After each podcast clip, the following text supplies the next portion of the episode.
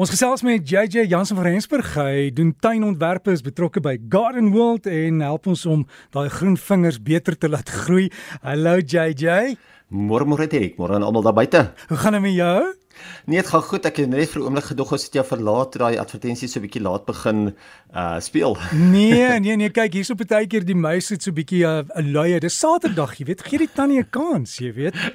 Hoor net nie. Ek stem 100% saam daarmee. Hoorie JJ, ek het 'n ernstige navraag gehad oor iemand wat vir familie in die buiteland in Engeland wil Suid-Afrikaanse saaitjies stuur. Mag hulle dit doen?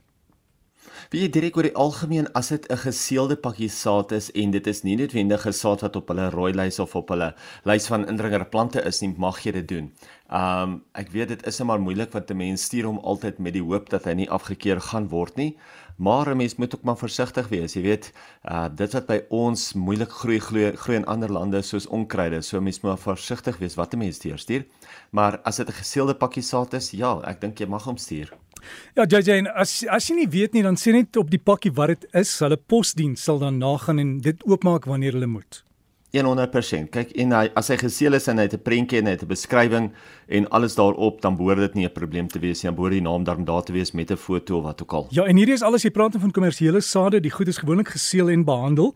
So jy gaan nou nie saad daar uit jou tuin uitvat en in 'n sakkie gooi en dit stuur nie. Nee asseblief nie, dit moet behandel wees teen saad, teen insekte, teen fungusse, teen wat ook al en ook natuurlik as jy net saad vat en dit in 'n sakkie gooi en dit oor see stuur, gaan die die kans dat hy aan daai kant gemif gaan aankom is 100%. Jy weet, so dit moet reg behandel wees dat dit wel aan daai kant nog steeds as die regte saad aankom en dat dit wel sal ontkiem. Anders sou gaan dit jou baie geld maar net mors. So wat se saad dink jy gaan dit wees, JJ? Dink jy is nou Makolan daisies? Ek glo dit sal dit kan 'n Maklandse daisies wees as dit aan die droër warmer kant van van van Engeland is. Maar jy weet baie van die Suid-Afrikaanse sade kry mense al klaar daarso. So baie van dit wat mense in pakkies aan hierdie kant kry, kry mense al klaar aan daai kant. Net soos daar's so op oomblik baie van die oorsese maatskappye wat ook in Suid-Afrika saad verskaf en hulle noem dit as deel van die erfenisreeks. Jy weet so dit is saad wat mense nie noodwendig altyd in Suid-Afrika gekry het nie maar dat hy wel deesdae beskikbaar is. So gaan kyk bietjie by die kwekery wat se interessante ja, groentes is daar. Ja, en JJ jy praat van die erfenissade, die heritage seeds noem hulle dit in Engels en baie van dit vir al die groente is jou oorspronklike tomaties wat nie geneties gemodifiseer is nie. Ja, jy kry ook jy outomaties en jy kry verskillende kleure tomaties, jy weet.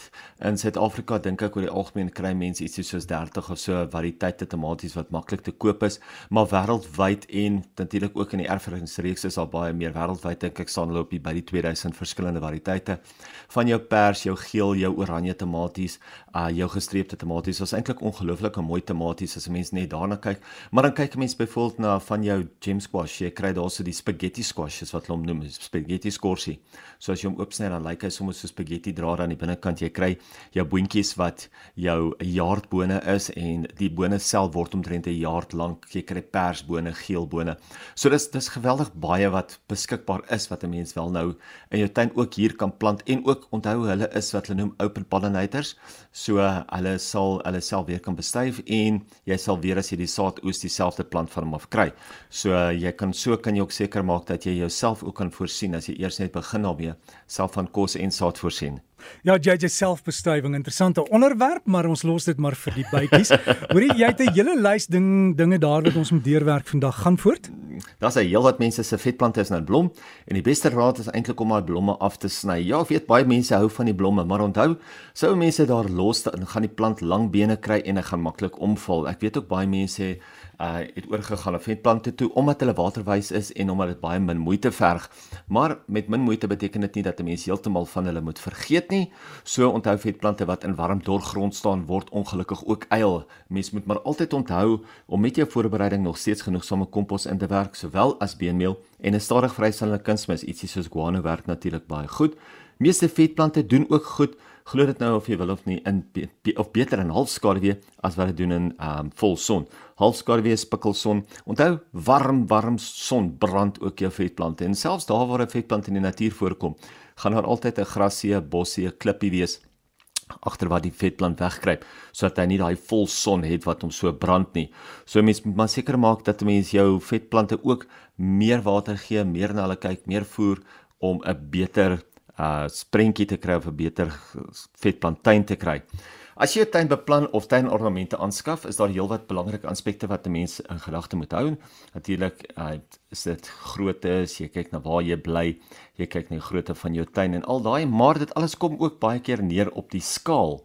Nou skaal gaan nie net oor die grootte van die pot langs jou voorder nie, en baie mense sal sommer 'n kniehoogte pot vir 'n dubbel volume muurplaas waar dit eintlik heelwat groter moes gewees het om in verhouding te wees. Maar skaal gaan ook natuurlik oor die grootte van jou plaveisel wat jy ergens gaan insit, jou um patio area, jou kuier area, onthul area, jou grasperk, jou beddings en natuurlik ook jou bome. Sodra een element uit verhouding uit is, gooi dit jou hele ontwerp bietjie onver. Gaan gesels met jou verskaffer, jou tuinbekundige, by die kwekery of selfs jou landskapargitek oor die regte keuse vir jou tuin en natuurlik ook oor die regte skaal. Hoe kan 'n mens die skaal reg gebruik? Nou geweldig baie bome en standaarde het ook nou gedurende die somermaande verskriklik sterk gegroei en ontwikkel en dis belangrik om nou jou verbindings tussen die stitte en die bome te verstel. Dit is nou as jy daai kabelritsluiters gebruik of as jy tou gebruik of as jy die bande gebruik, mens moet hulle nou verstel. Onthou, soos die boom groter word, word die verbindings nie noodwendig groter nie. Dit sny dit letterlik in die stamme van die bome in en verswak die bome op daai vernouings. Mense kry dit baie keer na 'n paar jaar dat jou boom skielik net erns knak of jou jou standaard erns knak. En dan wonder mense nou hoekom het hy geknak? Nou dit is net omdat hy verswakte vernouing gehad het daar waar hy vasgemaak was en dit was nooit verstel nie. Gaan deur jou tuin maak seker dat jou plante stewig vas maar maak ook terselfdertyd seker dat jou plante nie beskadig word nie. Onthou, as 'n mens 'n dun stukkie draad of 'n dun stukkie toutjie gebruik en jy maak jou bome of jou plante daarmee vas, dan kan jy baie makliker jou plante seermaak, baie makliker insny. Dis hoekom as 'n mens na die kwekery toe gaan, dan kry mens letterlik van daai dit lyk soos 'n kleefband, maar dit is eintlik ietsie wat 'n mens jou bome mee vas kan knoop en hy maak nie jou plante seer nie. Dit is ook baie belangrik om nou seker te maak dat as jy byvoorbeeld standaard rose het of enige standaard plante het wat 'n uh, nie heeltemal so sterk stam het soos wat 'n mens wil hê dit moet hê nie, dan moet 'n mens eintlik die regte stit ook vir hom kry.